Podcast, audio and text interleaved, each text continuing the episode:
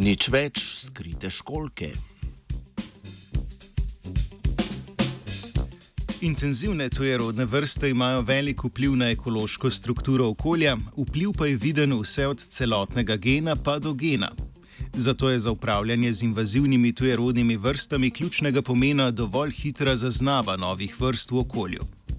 Ameriški znanstveniki so v nedavno objavljeni raziskavi razkrili, kako je mogoče s pomočjo okoljske DNA hitreje odkriti pojavljanje tujerodnih vrst v celinskih vodah.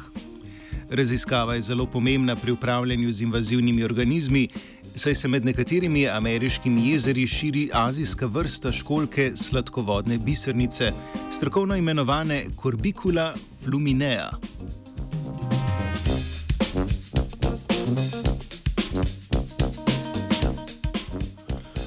Okoljska DNA oziroma Environmental DNA, krajše EDNA, predstavlja genetski material izoliran iz večjega okoljskega vzorca, kot sta naprimer zemlja ali voda.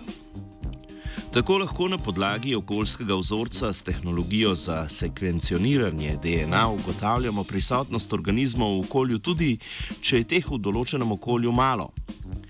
Metoda se tako že uporablja za iskanje prisotnosti redkih, kot tudi tujerodnih potencialno invazivnih vrst.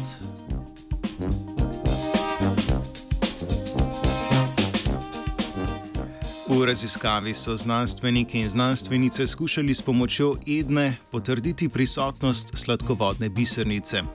Gre za školko, ki je avtohtona na območju Kitajske, Koreje in jugovzhodne Rusije, kot tujerodna pa je bila prenesena v Severno Ameriko in Evropo.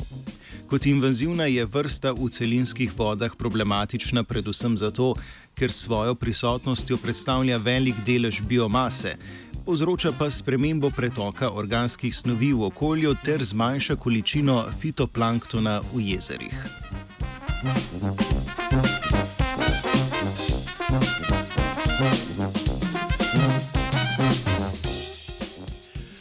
Raziskava Edna školke je potekala na 11 jezerih v Severni Ameriki, od katerih se v štirih školkah že pojavlja.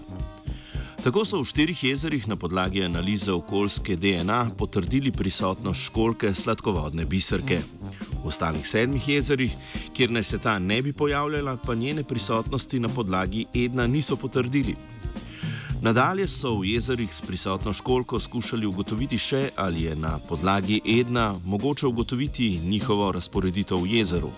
Tudi v tem primeru se je izkazalo, da je testiranje prisotnosti školk na podlagi okoljske DNA učinkovito.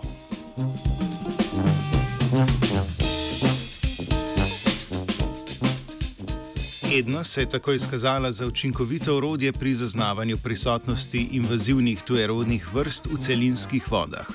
Metoda bi bila potencialno uporabna tudi za zaznavanje prisotnosti invazivne zebraste školke, ki je bila opažena tudi v nekaterih slovenskih jezerih. Z Britov je naredil Sebastian.